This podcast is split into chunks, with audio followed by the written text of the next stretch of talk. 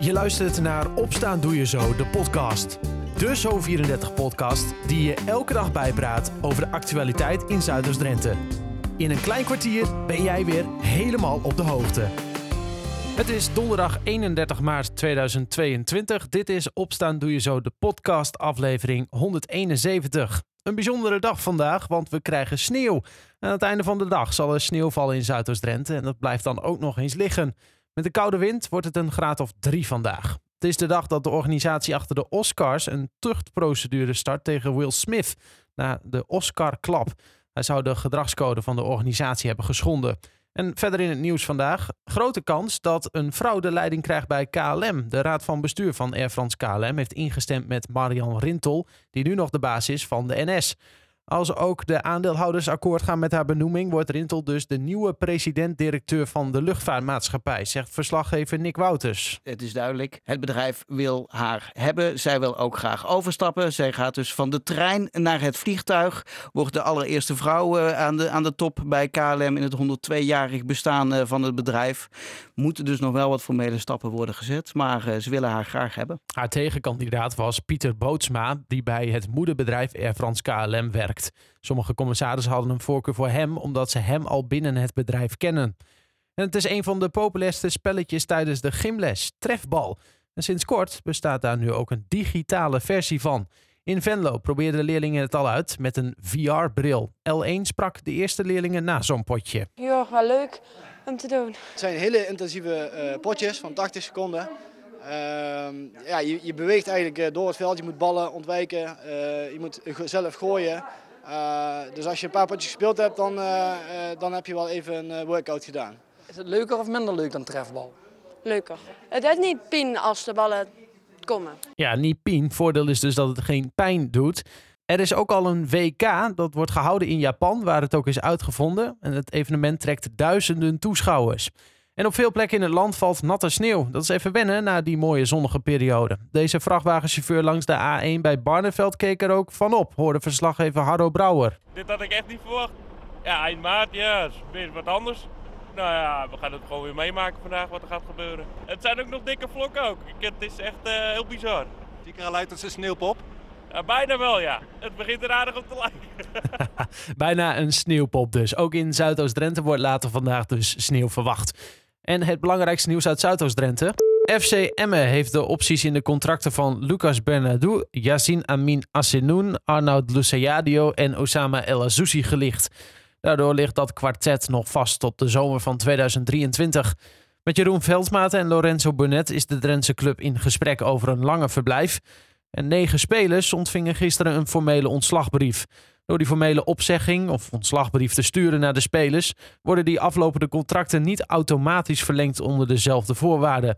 Dat wil dus niet zeggen dat deze negen spelers ook daadwerkelijk vertrekken. Het gaat om Miguel Araujo, Indy Groothuizen, Mitch Chapau, Peter van Ooyen, Leonel Miguel, Tufiki, Ben Scholte, Peet Bijen en Kian van Dorp.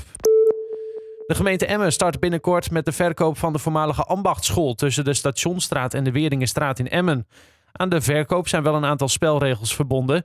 De gemeente ziet graag dat het pand een bruisende plek met meerdere functies wordt, zoals studentenhuisvesting, wonen, onderwijs, ondernemers en horeca. De gemeente wil vooral het uit de jaren 30 stammende deel aan de Stationstraat behouden.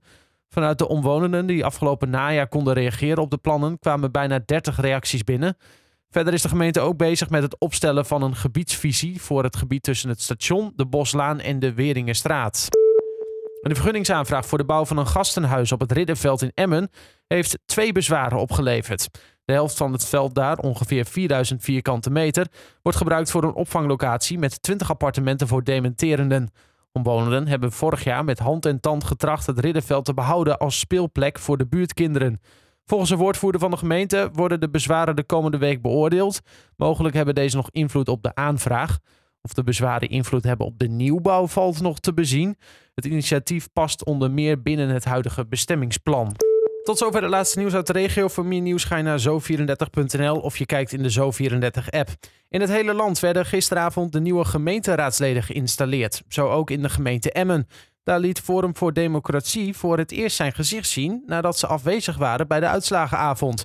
Met één zetel nemen zij deel aan de gemeenteraad in Emmen En daar is Robert de Jong van Forum voor Democratie maar wat blij mee. Nou, ik ben heel blij met die ene zetel. Dat we in ieder geval het werk wat we geleverd hebben, dat het niet voor niets geweest is. Uh, dus ik vind het heel mooi. Tuurlijk, iedereen hoopt op meer. Uh, maar om daarin uh, de woorden van Patrick de Jonge van de VVD te gebruiken. Op het moment dat iedereen zou krijgen zou, wat hij zou willen hebben, dan hadden we nu een heel grote raadzaal gehad. Ja.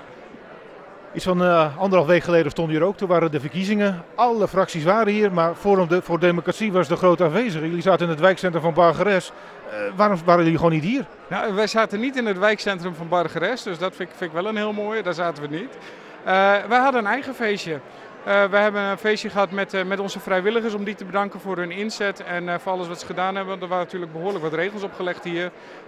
ja, en daar hebben mensen echt veel bij moeten betrekken om zich ook gewoon aan de spelregels te houden. Die, die... Dat, dat vat ik even niet. Wat, wat, wat, was er precies dan? Wat, jullie, wat ervoor zorgde dat jullie niet hier aanwezig waren? Nou, wij hadden gewoon ons eigen feestje met onze eigen vrijwilligers en dat wilden we op die manier doen. Dus ja, vandaar. en dat hadden we al eerder besloten dan dat ons gemeld was dat we hier konden zijn. Je bent er straks toch wel bij in de gemeenteraad, hè? Ja, zeker weten. Zeker weten. Ik heb bijna al mijn diensten vrijgepland en...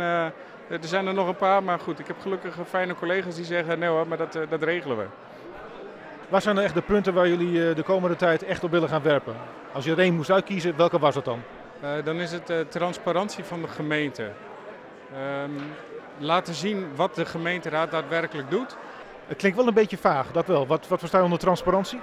Nou, uh, we staan hier in het uh, mooie Atlas Theater. En om een van die dingen te noemen, ik vind het uh, heel goed dat de gemeente zegt, weet je, wij staan, wij staan garant voor bepaalde zaken die hier gebeuren in de gemeente. We staan ook garant voor wandelen, we staan garant voor Atlas Theater.